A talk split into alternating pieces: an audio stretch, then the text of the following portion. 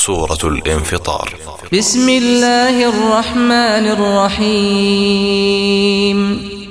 Dengan menyebut nama Allah yang maha pemurah lagi maha penyayang إذا السماء انفطرت وإذا الكواكب انتثرت وإذا البحار فجرت Apabila langit terbelah dan apabila bintang-bintang jatuh berserakan dan apabila lautan dijadikan meluap وإذا القبور بعثرت علمت نفس ما قدمت وأخرت dan apabila kuburan-kuburan dibongkar maka tiap-tiap jiwa akan mengetahui apa yang telah dikerjakan dan apa yang dilalaikannya يا أيها الإنسان ما غرك بربك الكريم Hai manusia apakah yang telah memperdayakan kamu berbuat durhaka terhadap Tuhanmu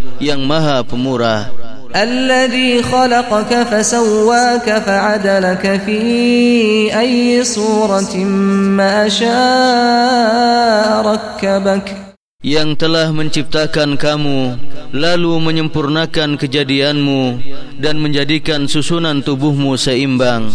Dalam bentuk apa saja yang dia kehendaki dia menyusun tubuhmu.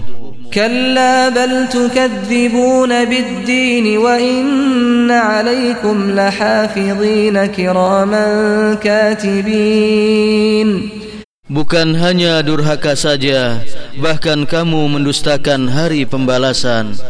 Padahal sesungguhnya bagi kamu ada malaikat-malaikat yang mengawasi pekerjaanmu. Yang mulia di sisi Allah dan yang mencatat pekerjaan-pekerjaanmu itu. Ya'lamuna ma taf'alun. Mereka mengetahui apa yang kamu kerjakan. إن الأبرار لفي نعيم وإن الفجار لفي جحيم يصلونها يوم الدين Sesungguhnya orang-orang yang banyak berbakti benar-benar berada dalam surga yang penuh kenikmatan dan sesungguhnya orang-orang yang durhaka benar-benar berada dalam neraka mereka masuk ke dalamnya pada hari pembalasan.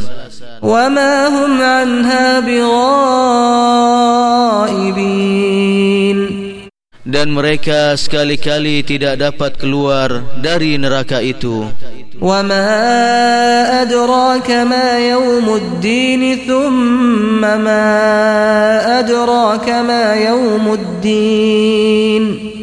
Tahukah kamu apakah hari pembalasan itu? Sekali lagi, tahukah kamu apakah hari pembalasan itu?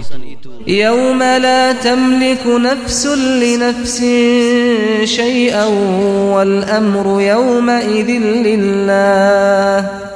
Yaitu hari ketika seseorang tidak berdaya sedikit pun untuk menolong orang lain.